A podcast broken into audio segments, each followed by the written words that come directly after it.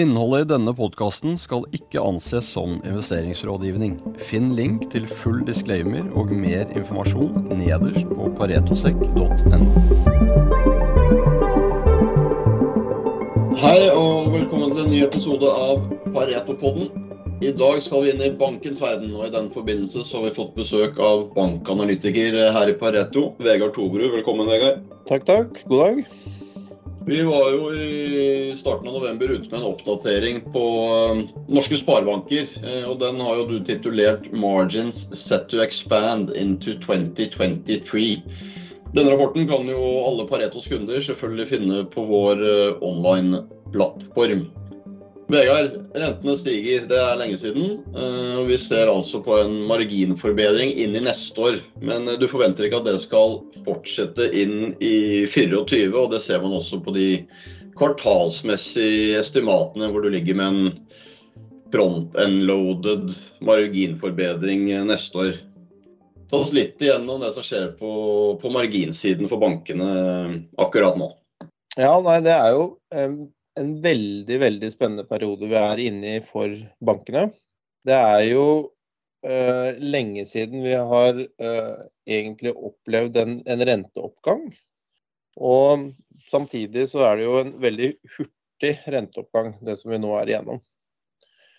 Og generelt så, sett så er det jo sånn at banker tjener inntjeningsmessig på økte renter. De har jo investert en del av av eh, sine eiendeler i ting som gir bedre avkastning når, når eh, rentenivået kommer opp. Samtidig så har jo norske banker vært flinke når rentene ble satt ned for et par år siden, med å beskytte marginene sine og holde lønnsomheten oppe. Eh, så langt så har jo bankene vært veldig flinke også til å ta vare på den lønnsomheten på vei oppover. Så blir dette rentebildet og utsiktene fort veldig eh, teknisk når man er nede på, på, marginene. Men det er sånn at en del av kostnadene til bankene løper litt kjappere enn det inntektene gjør. Så sånn som vi er nå, så ser vi tegn til marginekspansjon, men vi ser ikke den fulle marginekspansjonen. Men vi mener det vil da komme mer til syne mot eh, slutten av året, altså i, i Q4, eh, og da inn i, i, neste år. Og så er det helt riktig som, som du sier, eh, Sebastian. I, I, rapporten vår så problematiserer vi det her litt. Vi mener at marginene ser ut til å bli veldig høye, og eh, kanskje litt for høye i forhold til hva vi tror konkurransen i markedet vil tillate. For Det er jo ingen tvil om at det fortsatt er konkurranse i markedet, og, og en del av produktene, spesielt på privatsiden, er jo ganske standardiserte og, og, like mellom bankene. Så vi har noen tegn som vi ser, som jo heller ikke slår direkte inn i, i regnskapene nå på, på, kort sikt, som vi tror vil da avmate marginbildet etter hvert. Og en av de tingene som vi jo ser, er jo på funding-siden. Der jo etter sommeren så har det jo blitt konkurranse rundt sparekontoene på en annen måte enn det har vært nå på en, en, en god stund. Eh, og den konkurransen vil nok spise inn i innskuddsmarginene til bankene over tid. Men det er ikke noe vi vil se nå på, på kort tid, men etter hvert så vil jo det, det slite litt på marginen. Samtidig som vi også ser en økt kredittpåslag i fundingmarkedet. Eh, og det vil jo også, etter bankene, ettersom bankene refinansierer, spise inn, inn i marginene. Derfor så tror vi at vi står for nå en periode med høy lønnsomhet, veldig god, gode marginer for bankene, men at de er nesten too good to be true. I hvert fall eh, for høye til å, å holde på over, over litt lengre tid. Så er det jo selvfølgelig vanskelig å estimere. og, og vi, vi, har jo også skrevet i rapporten at estimatene våre trolig er dårligere enn det de vanligvis er, fordi det er så mange eh, bevegelige deler her. Og det er så mange ting som avhenger av hvordan bankene tilpasser seg, seg konkurransen. Så når vi kommer ut ett år fram i tid, så tar vi jo et, et bedt på hvordan eh, bankene agerer, og hvordan egentlig makroøkonomien i, i Norge ser ut. La oss dyppe litt videre inn på det, for du skriver jo altså, Det er klart den makroøkonomiske situasjonen er jo fortsatt ekstremt usikker. Og du skriver jo i rapporten din at eh, til tross for dette, så er du egentlig mer usikker på estimatene dine på veksten enn hva du er på lånetapssiden, eh, som du var litt inne på nå i sted. Og på lånetapssiden så ligger vi jo inne med Der ligger du inne med to basispunkter på, på utlån til eh, privatpersoner, det man kaller retail lending, og, og 40 basispunkter på, på corporate lending, som er til, eh, til bedrifter og, og næring. Eh, det er jo ikke Det er en del høyere enn hva det har vært, men nå har det jo vært lavt. Men det er heller ikke noe lånetapsestimater som tilsier en, en skikkelig krise. Nei, det, det, er jo mer normaliserte låntapsforventninger, sånn som vi ser det. Vi, vi bruker litt sånn sjablongmessig tilnærming til låntapene. og Vi har jo prøvd oss fram her over mange år hvordan vi best skal estimere låntapene. Men øh, over litt tid så føler vi at det er den, den beste tilnærmingen. Ser vi på ett kvartal fram, eller noen, hvis det er noen, uh, noen, ting vi kjenner til som står i, i, pressen eller andre steder, så kan vi jo selvfølgelig justere låntapene våre på kort sikt. Og når vi gikk inn i, i korona for et par år siden, så tok vi jo en gjennomgang der vi justerte låntapsforventningene våre eh, en del. De viste seg jo selvfølgelig i ettertid å være helt, helt feil. Der jo vi har gått gjennom en periode nå med mer eller mindre null låntap for, for alle bankene. Når vi da ser for oss en normalisert låntapsforventning fremover, så vil nok det være litt konservativt på kort sikt. Det er fortsatt få tegn til at det skal være noen spesielle lånetap i bankene. Men på lengre sikt så øker jo usikkerheten. Når det er sagt, så er det jo egentlig få elementer som vi ser så langt som gjør at at man skal forvente store lånetap, eller kraftig endring i, i låntapsforventningene. Um, det er selvfølgelig områder som vi er mer bekymret for nå enn det vi var tidligere. Og det er områder vi er mindre bekymret for enn, det vi var tidligere. Så på mindre bekymret så er det nok uh, olje- og energirelatert, spesielt uh, serviceindustrien. Mer bekymret er jo da uh, næringseiendom som jo har fått et større fokus. Men samtidig så må vi huske på at bankene som regel, og egentlig de prosjektene og de lånene som vi kjenner til, er svært godt sikret. Og har jo som regel veldig lav LTV. Når vi går gjennom de lånene som vi kjenner til, så er det gjerne 50-60% LTV på banklån. Og så er det obligasjoner prefaksjer og, og, andre ting på toppen, og egenkapital, som jo selvfølgelig er, er eh, enkelt å stille mer spørsmålstegn med. Og, og risikoen også for bankene på, på, sine lån har jo økt. Og vi ser jo tegn til at banker modellbasert også flytter noen av lånene over i en høyere risikokategori, og derfor tar noe høyere avsetninger. Men det er det jo tatt høyde for i de, de anslagene som, som, vi da har. Men på den annen side så ser vi jo at, at, at det er tegn i økonomien som, som, gjør at vi forventer en lavere kredittvekst fremover. Som du var, var inne på. Og, og, det er nok sånn sett en, en større bekymring for våre estimater. Så vi legger jo estimatene våre for kredittvekst ned for disse bankene og estimatene. Men det er jo selvfølgelig et spørsmål om, om, hvor langt ned. Om vi har lagt det langt nok ned, eller om vi har lagt det for langt ned. Det er jo vanskelig å si liksom på, på forhånd. Du har, en, eh, du har, jo en fin graf som viser eh, cost of equity mot eh, neste return neste tolv måneder. Hvis, du bare ser litt, hvis du går inn litt inn på verdsettelse her, så er det jo ikke, det er jo ikke veldig avskrekkende nivåer historisk. Og som du sier, det er usikkerhet på, på alt fra, fra lånetap til, til, vekst. Men bare ta oss igjennom uh, måten du tenker på når du på, når du sammenligner cost of equity og relasjonen til, til utviklingen de neste tolv månedene? Ja, det er, det er, vi har med en, en uh, fiffig illustrasjon i rapporten som viser uh, hvordan, hvis man ser på konsensusestimater og baker ut cost of equity for uh, de største bankene, og ser det i forhold til hvordan aksjene og egenkapitalen for de samme bankene har gått over de neste tolv månedene, så er det en, en, en morsom sammenligning.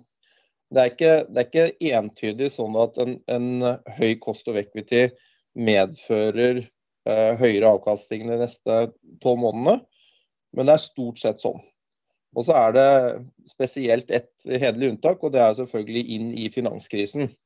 Så i, i, mot slutten av, av, 2007. Så hvis man ikke tror at man er mot slutten av, av 2007, så ser jo bildet spennende ut for prising.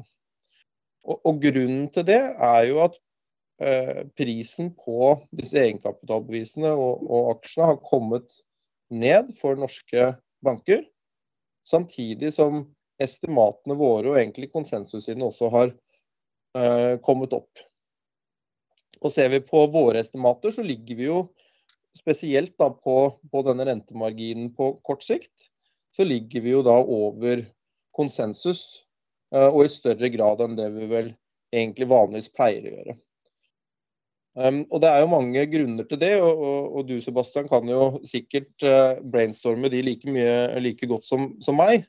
Men jeg syns jo kombinasjonen av lavere interesse for sektoren, som jeg opplever at det har vært, uh, noe sell-off her i sektoren, som jo selvfølgelig ellers også på, på børsen, kombinert da med høyere estimater fremover, er en, er en spennende kombo.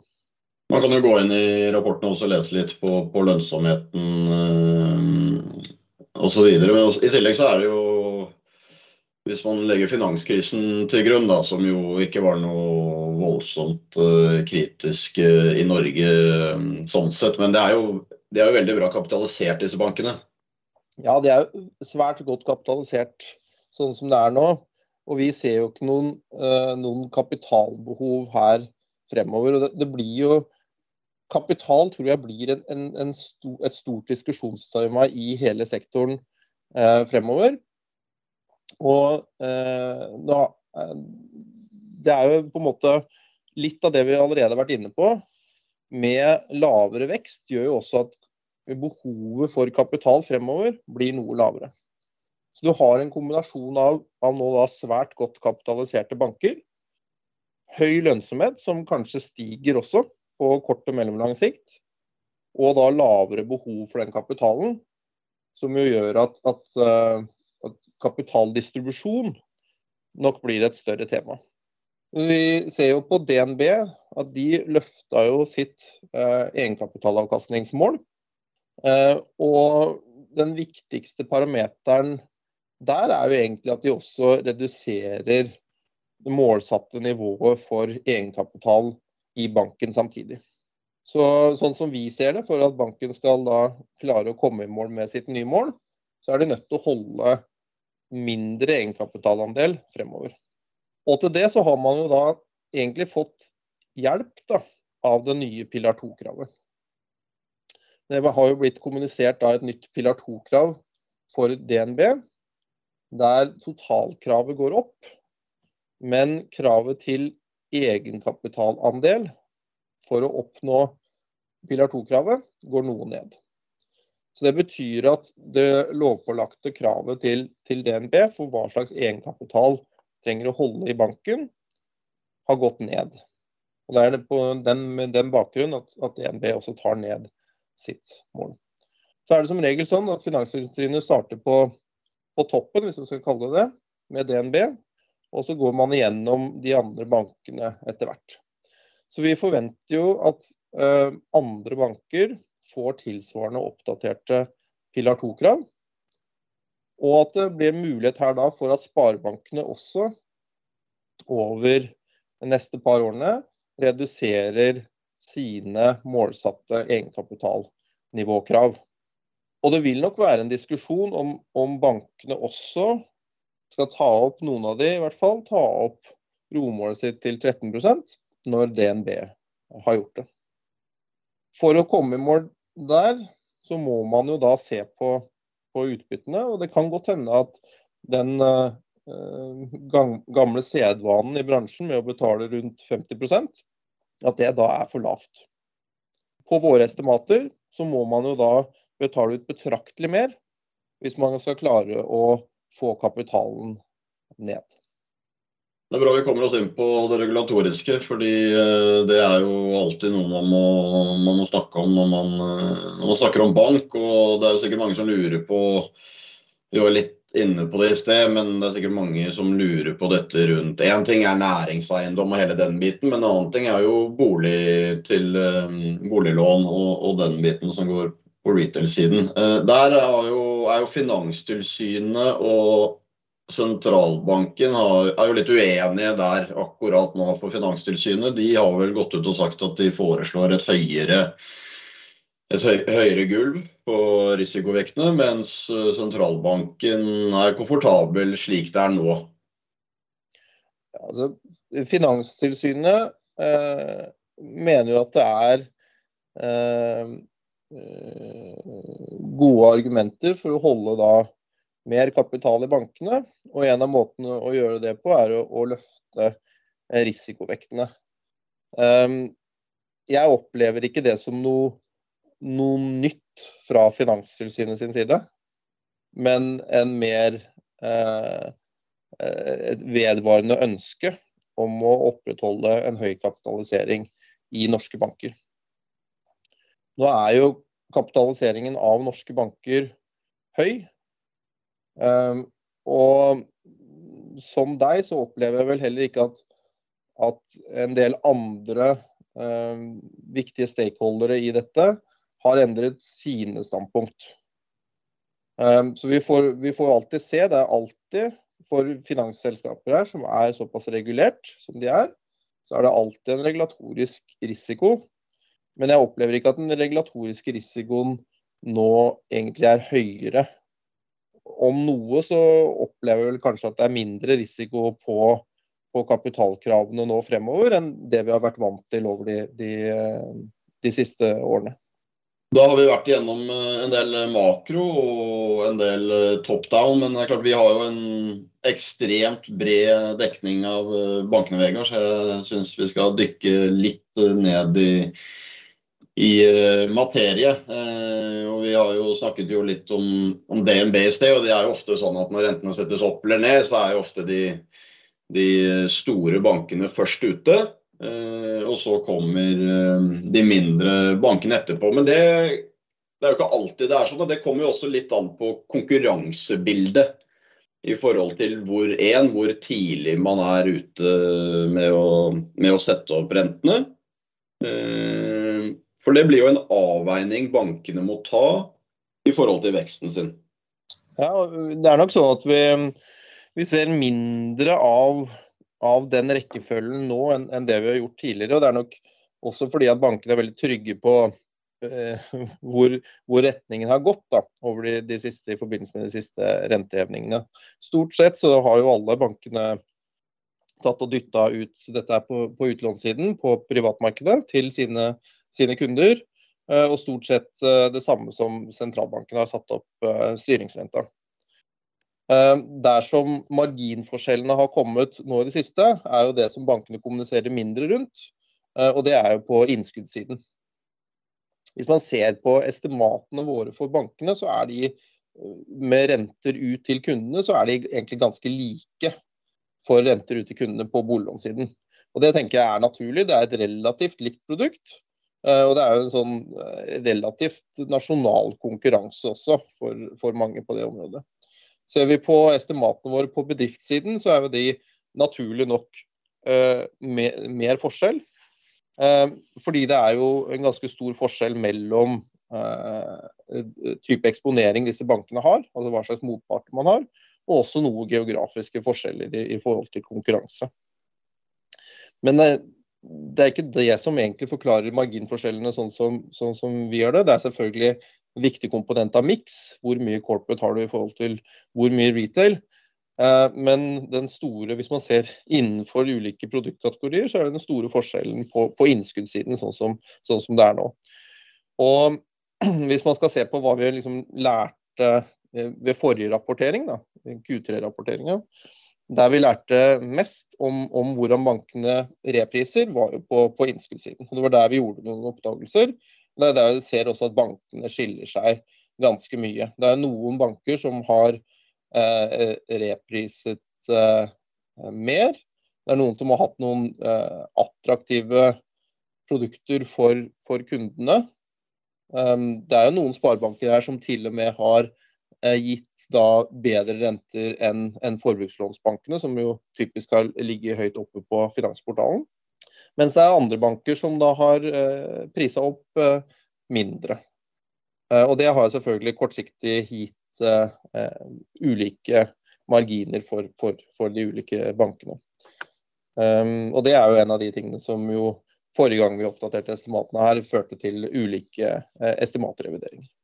Og Det blir det jo helt sikkert et litt større fokus på nå, for nå har vi jo vært igjennom et tiår hvor folk er blitt vant til at har du, har du penger stående på en bankkonto, så er det ikke noe særlig renter å snakke om. Derfor har jo det heller ikke vært egentlig eh, noe voldsomt eh, sted å konkurrere, ei heller et fokusområde. Eh, men det, alt annet like, endrer seg nok eh, i det året som kommer nå. Tror du ikke det, Vegard? Jo, og, og det, jo, det, spiller jo litt inn i den tematikken som vi snakket om tidligere også, med økt konkurranse på, på, innskudd, og at vi tror det vil slite på marginene til, til bankene etter hvert her. Det er jo, Innskuddsmarkedet er jo delt i, i litt forskjellige eh, grupper, selv, selv, også hvis man ser eh, internt på, på, på eh, privatpersoner. Det er jo sånn at Vi har blitt vant til å ha nullrente på lønnskontoen våre alle sammen. Så der er det jo foreløpig i hvert fall ikke spesielt mye eh, konkurranse. Eh, går man 20 år tilbake, så var jo det kanskje det viktigste salgspunktet til Skandiabanken når de lanserte eh, i Norge, men, men, der er vi ikke helt enda. Men på sparekontoene så er det jo da økt konkurranse. Og Det er jo også naturlig, fordi at innskuddsmidler nå, og måten de prises på, er jo svært attraktivt i forhold til markedsfunding for bankene. Så enhver uh, rasjonell uh, CFO da, vil jo her være frista til å allokere betraktelig mer da funding, eller trekke mer funding fra, fra innskuddssiden enn fra, fra, markedssiden. Og det vil jo naturlig presse marginene på innskuddssiden over tid. Det er i hvert fall det vi legger til grunn på, på våre estimater. Så det er uh, det er bedre å ha, ha penger nå på, i bankkonto enn det har vært på veldig, veldig, veldig lenge. Jeg tenker at uh, vi kan runde av der, for vi går altfor langt ned i materien. Jeg anbefaler jo alle som har hørt på, å gå inn og lese den siste rapporten. Det absolutt uh, beste og bredeste produktet det finner du på Pareto sine analysesider. Og der kan du som kunde gå inn og lese deg videre opp, og der ser du dekningen vi har på de forskjellige bankene, eh, alle estimater, sammenligninger, eh, hvor de er verdsatt i forhold til lønnsomhet osv. osv. Jeg håper at eh, denne podkasten var forklarende for en del av dere. Vi går et ekstremt spennende år i møte. Og denne sektoren her er jo som alltid en sentral del av økonomien, så det blir spennende å følge med her fremover. Vegard, tusen takk for at du tok deg tid til å snakke med oss i dag. Så snakkes vi sikkert igjen en gang i løpet av neste år. Det håper jeg. Takk for at jeg fikk komme. Vi minner om at denne podkasten ikke inneholder investerings- eller annen type rådgivning. Handel i verdipapirer medfører til enhver tid risiko, og historisk avkastning er ingen garanti for fremtidig avkastning. Pareto Securities er verken rettslig eller økonomisk ansvarlig for direkte eller indirekte tap, eller andre kostnader som måtte påløpe ved bruk av informasjon omtalt i denne podkasten. Finn link til full disclaimer og mer informasjon nederst på paretosek.no.